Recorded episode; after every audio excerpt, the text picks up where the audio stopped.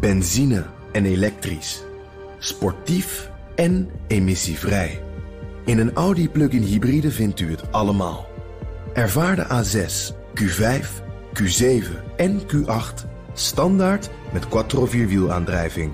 Wat u ook zoekt, u vindt het in een Audi. Audi. Voorsprong door techniek. De wereld volgens Hammelburg. Het wereldnieuws in vijf vragen. Voor het eerst is er bewijs dat Donald Trump een strafbaar feit heeft gepleegd. Karel de Vries stelde de volgende vragen. Vraag 1. Dat Trump twee vrouwen heeft betaald om te zwijgen over relaties is oud nieuws. Wat is daar strafbaar aan? Niets. Er is geen wet tegen vreemdgaan. Zwijgeld betalen is evenmin verboden. Strikt genomen waren Trumps veronderstelde affaires met Stormy Daniels en Karen McDougal financiële transacties. Als Trump het allemaal meteen had toegegeven, had hij een probleem met zijn vrouw en misschien met een groepje kiezers, meer niet. Vraag 2. Iedereen spreekt nu over een strafbaar feit, een misdrijf dus. Waarom? Omdat Trumps advocaat Michael Cohen, die verdacht werd van financiële malversaties, een bekentenis heeft afgelegd en daarbij verklaarde dat het zwijggeld dat hij aan de vrouwen betaalde uit de verkiezingscampagne kas kwam in overleg met Trump. Dat is oneigenlijk gebruik van de verkiezingskas en dat is strafbaar. Wat heet, daar staan hele strenge straffen op. Cohen zegt dus onder Ede: Ik heb een misdrijf begaan en Trump was medeplichtig. Vraag 3. Is de president strafbaar?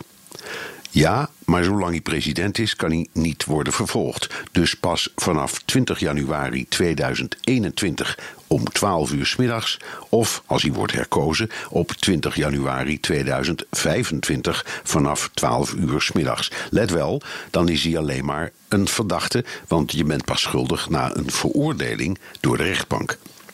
Vraag 4. Kan deze zaak leiden tot een impeachment, dus het afzetten van de president? Dat kan wel, maar de kans is klein. Dan moeten eerst minstens 21 van de 40 leden van de justitiecommissie in het Huis van Afgevaardigden voor zo'n afzettingsprocedure stemmen. Als dat lukt, stemt het volledige huis van 435 leden ook weer met een absolute meerderheid. Als die meerderheid er is, gaat de zaak naar de Senaat, die dan rechtbank en jury tegelijk wordt.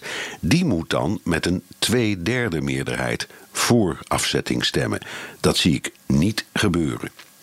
Vraag 5. Maakt het veel uit hoe de parlementsverkiezingen van 6 november aflopen? Een beetje. Als de Republikeinen hun meerderheid in het huis verliezen, is er zeker een kans dat een impeachment in werking wordt gezet. In de Senaat is de kans groot dat de Republikeinen de meerderheid behouden. Maar zelfs als de Democraten ook daar winnen, halen ze nooit een meerderheid van twee derde. Dus Einde verhaal. Dank Karel de Vries. In de wereld volgens Hammelburg beantwoord ik elke zaterdag vijf vragen over een internationaal thema. Hebt u een onderwerp? Stuur dan een mail naar onlineredactie.bnr.nl. Benzine en elektrisch. Sportief en emissievrij. In een Audi plug-in hybride vindt u het allemaal. Ervaar de A6, Q5, Q7 en Q8 Standaard met quattro vierwielaandrijving. Wat u ook zoekt, u vindt het in een Audi. Audi. Voorsprong door techniek.